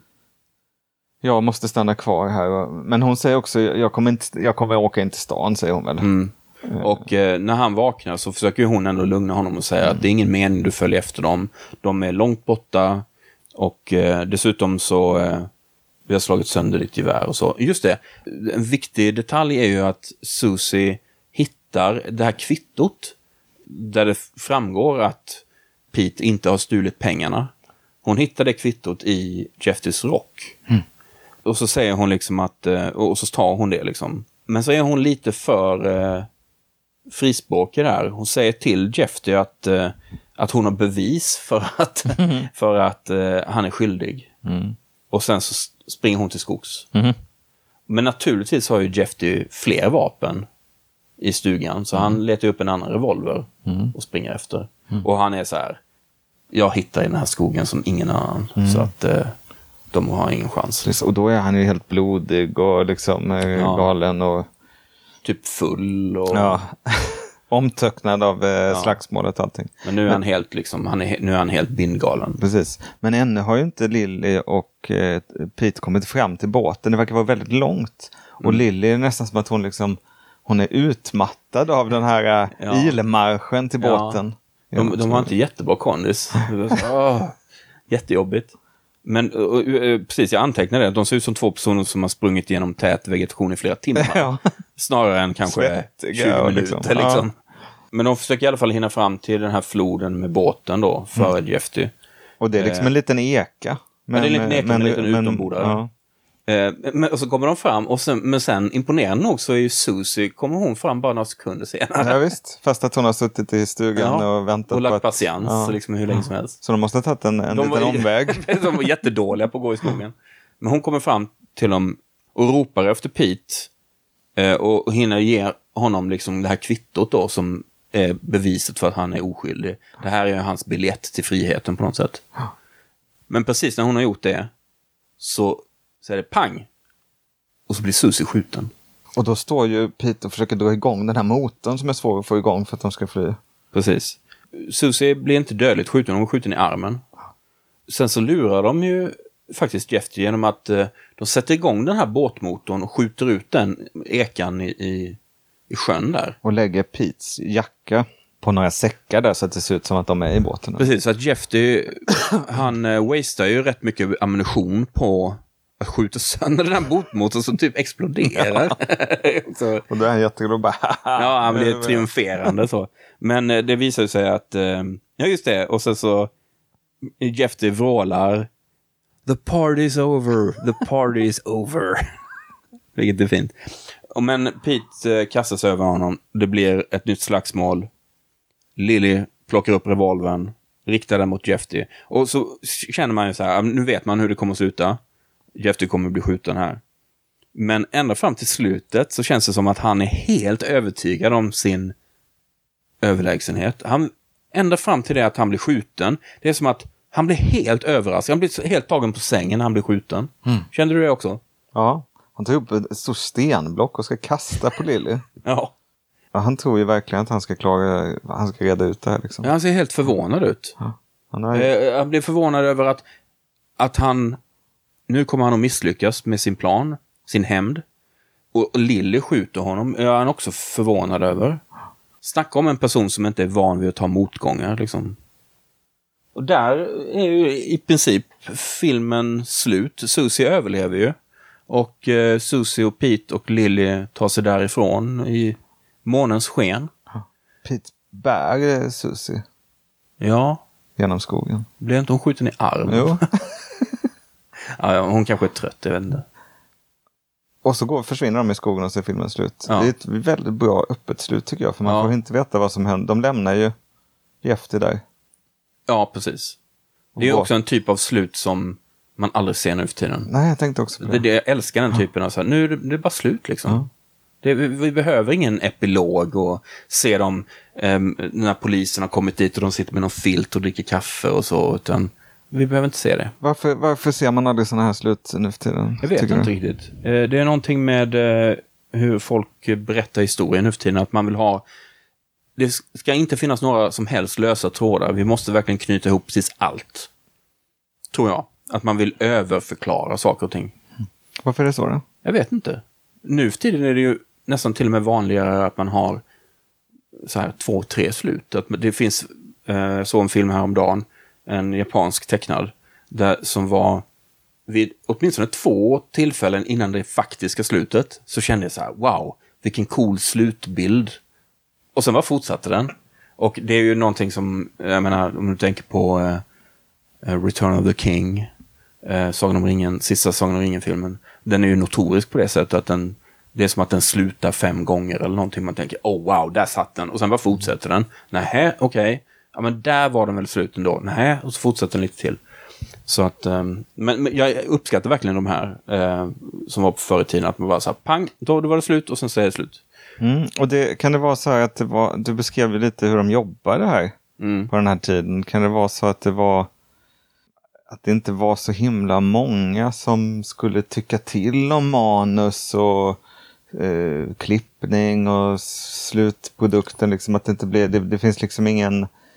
Eh, om det är väldigt många inblandade så kan det vara många ängsliga röster som bara, men tänk, tänk om man undrar här vad som händer. Så här. Det är ju helt klart så att eh, fler filmer idag, framförallt i Hollywood, görs liksom av någon kommitté. Ja. Där det liksom, man måste se till att man täcker upp varenda möjlig och omöjlig lös tråd. Ja. Och jag tror att på det sättet så var det nog mer raka besked för. Att, eh, så. Men jag, jag, eh, det hade varit intressant, jag vet för lite om det där. Väldigt intressant att se när den här tendensen kom. Alltså när de slutade göra den här typen av, ganska, med dagens mått med ett abrupt slut, som det är i den här filmen. Att det är liksom bara så här, det är slut. Men det, samtidigt är det, vi behöver inte mer. Nej, men man, och man pratar ju ofta om ändå att rent konstnärligt så är det ett öppet slut, ett bra slut. Eller? Men eh, undrar om den eh, hållningen, den, den finns kanske inte längre. Man undrar ju lite grann vad som kommer att hända med vägkrogen nu. Ja, Mm. ibland kan det komma så här eftertexter. Så här, ja, Lill- Lily och Pete gifte sig, den och den. Och, och levde lyckliga alla sina dagar. Susie fortsatte jobba på krogen. Och Mm. Jeftys bror tog över istället. Alltså, så här. Mm. Men det är ju jättespännande om man kan få fundera. För det är klart man funderar lite över så här, undrar, undrar vad som händer nu. Mm. Men, det är inte som att man går, och är- får... men, men det är inte som att man går och är orolig över att man inte får veta. Utan Nej, exakt. snarare det som är fint med eh, bra, bra historia, att, man kan, att de lever vidare lite grann. Precis. Så jag, jag, jag, jag skulle... Ja, så detta var alltså Roadhouse från 1948. Är du, eh, är du glad över att du har sett den här filmen nu Per? Verkligen. Tack för att, eh, för, att jag fick, eh, fick se den. Jag har aldrig sett den om inte, om inte du hade bett mig att, titta på den inför detta.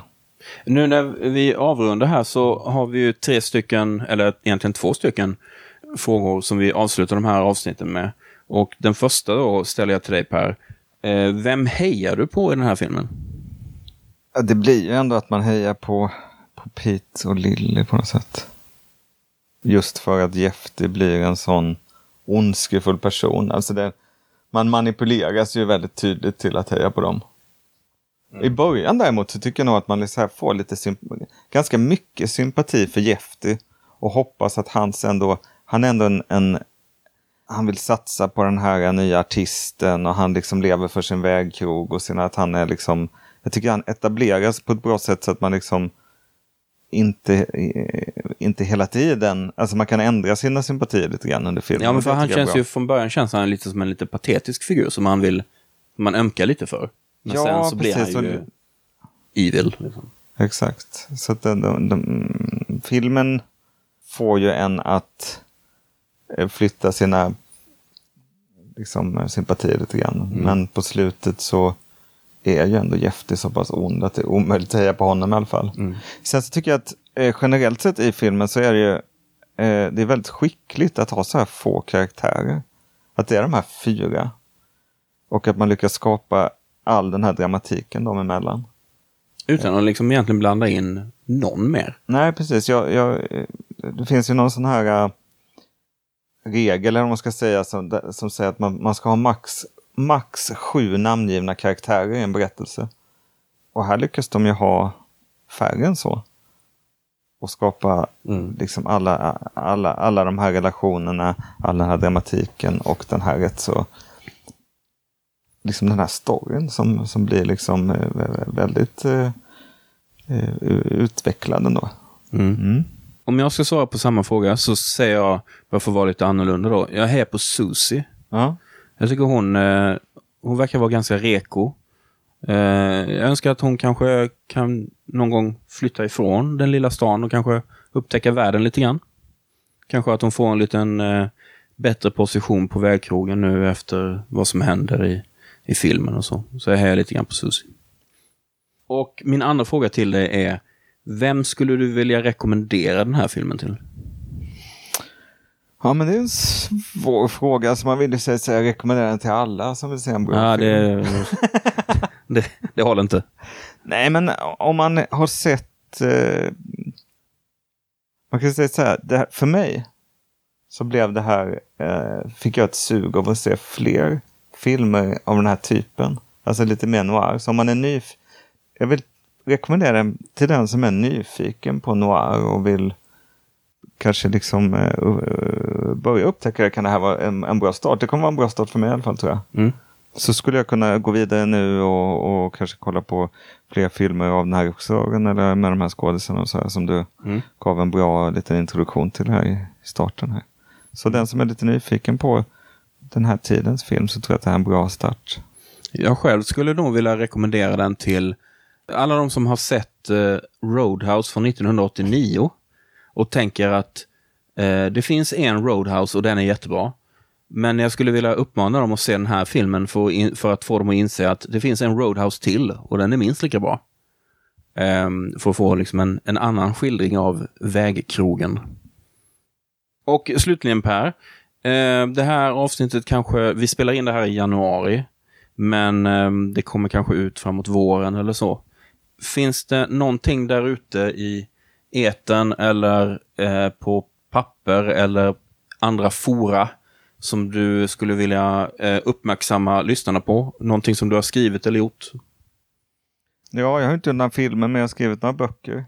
Mm, Man kan, man kan kolla upp, eh, eh, om man känner något litet, litet barn så kan man kolla upp mina böcker om eh, Knotan. Det kommer en ny på Bokmässan nästa år. Det finns tre stycken ute, i, i, eh, ute på bokrean. Den kanske är över nu, men Mm, det kan det vara. ja, så kolla upp eh, Per Bengtsson på olika... Eh, där böcker finns. Där böcker finns. Jättebra. Per, tack så hemskt mycket för att du tog dig tid att titta på den här filmen och diskutera den med mig. Det var jätteroligt. Tack själv Martin. Och vi säger hej då. Hej då. Hej då.